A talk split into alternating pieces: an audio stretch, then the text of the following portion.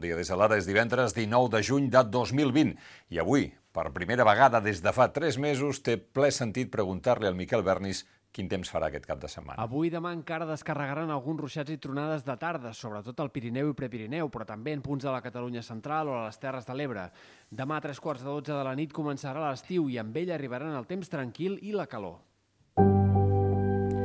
La fase 3 ha durat fins a mitjanit i des de les 12 ja som a la fase de represa.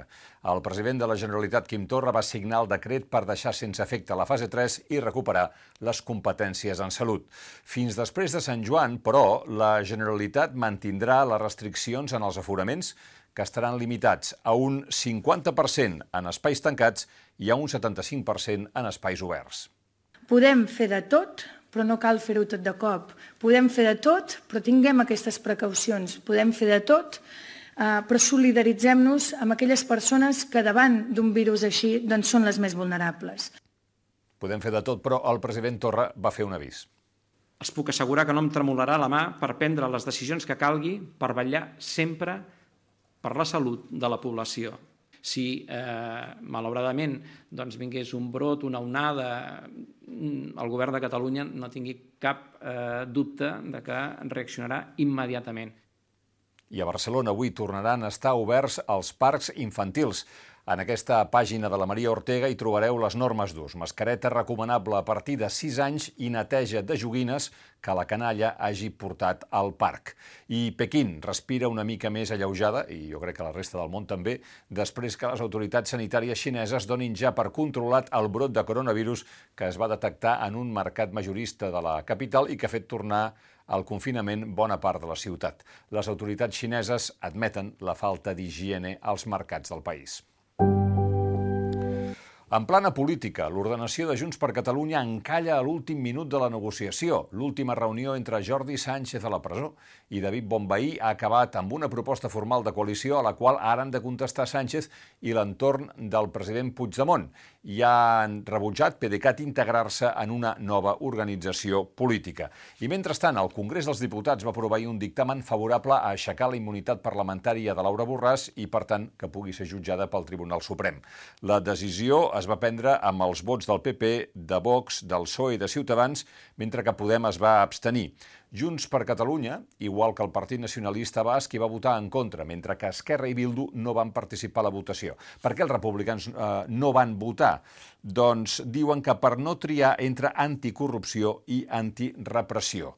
La decisió definitiva del Congrés per decidir si aixeca la immunitat de Borràs es prendrà dijous que ve, dia 25 de juny.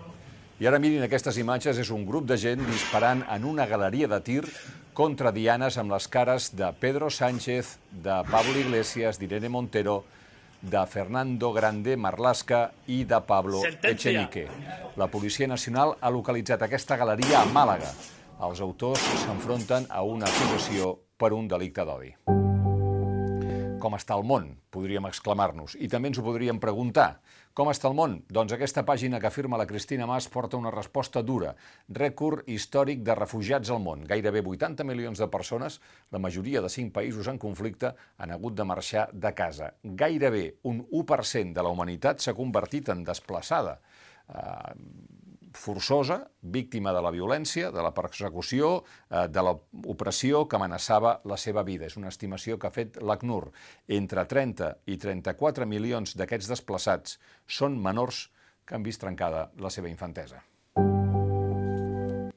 A Stils expliquem que una impressora senzilla de 3D per tenir a casa pot costar 90 euros i que es pot crear gairebé qualsevol cosa, col·laborar a escala global en projectes que volen canviar el món i a la foto una samarreta feta amb impressora 3D.